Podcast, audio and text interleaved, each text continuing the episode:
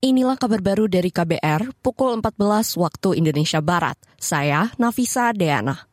Bekas Ketua KPK Firly Bahuri bungkam setelah hari ini diklarifikasi Dewan Pengawas Dewas KPK selama sekitar dua jam atas dugaan pelanggaran kode etik dan pedoman perilaku. Ketua KPK yang diberhentikan sementara oleh Presiden itu tidak menggubris pertanyaan awak media lobi Gedung Pusat Edukasi Anti Korupsi atau kantor Dewas KPK.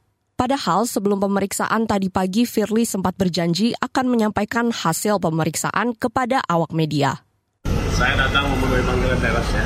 Nanti saya sampaikan setelah ya. Ex-Ketua KPK Firly Bahuri diperiksa Dewas KPK untuk dimintai keterangan lebih lanjut terkait dugaan pemerasan terhadap bekas Menteri Pertanian Syahrul Yassin Limpo. Sementara itu, Ketua Dewas KPK Tumpak Panggabean mengatakan agenda pada hari ini yaitu melaksanakan pemeriksaan pendahuluan. Meski demikian, ia masih belum dapat memastikan apakah perkara dugaan pemerasan Firly ini akan dilanjutkan pada sidang etik atau tidak. Kita ke berita lain, saudara. Rapat paripurna DPR mengesahkan tujuh nama Hakim Agung di Mahkamah Agung MA tahun 2023.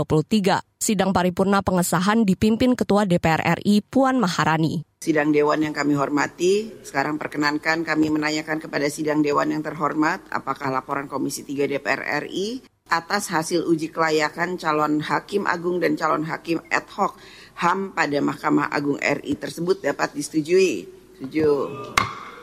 Terima kasih.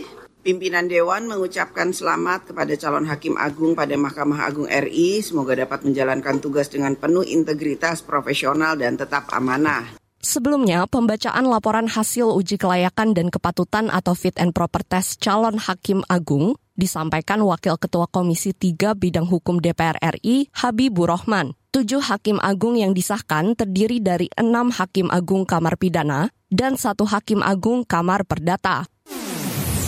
Kabar Pemilu. Kabar Pemilu. TNI Angkatan Laut Indonesia TNI AL siap membantu pemerintah mendistribusikan logistik pemilu 2024 khususnya ke pulau-pulau terpencil dan terluar di Indonesia. Itu disampaikan Kepala Staf Angkatan Laut Kasal Laksamana TNI Muhammad Ali dalam peringatan Hari Armada 2023 hari ini. Saya ingatkan bahwa di tahun politik ini peran armada sangat penting dalam mendukung proses kelancaran pesta demokrasi di tanah air.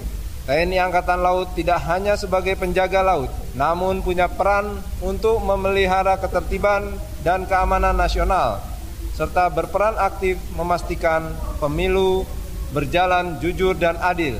Kasal Muhammad Ali menambahkan TNI Angkatan Laut juga sudah menyiapkan armada kapal perang KRI. Ia menyebut persiapan itu untuk membantu KPU mendistribusikan logistik pemilu 2024 ke daerah-daerah kepulauan yang hanya dapat diakses melalui jalur laut.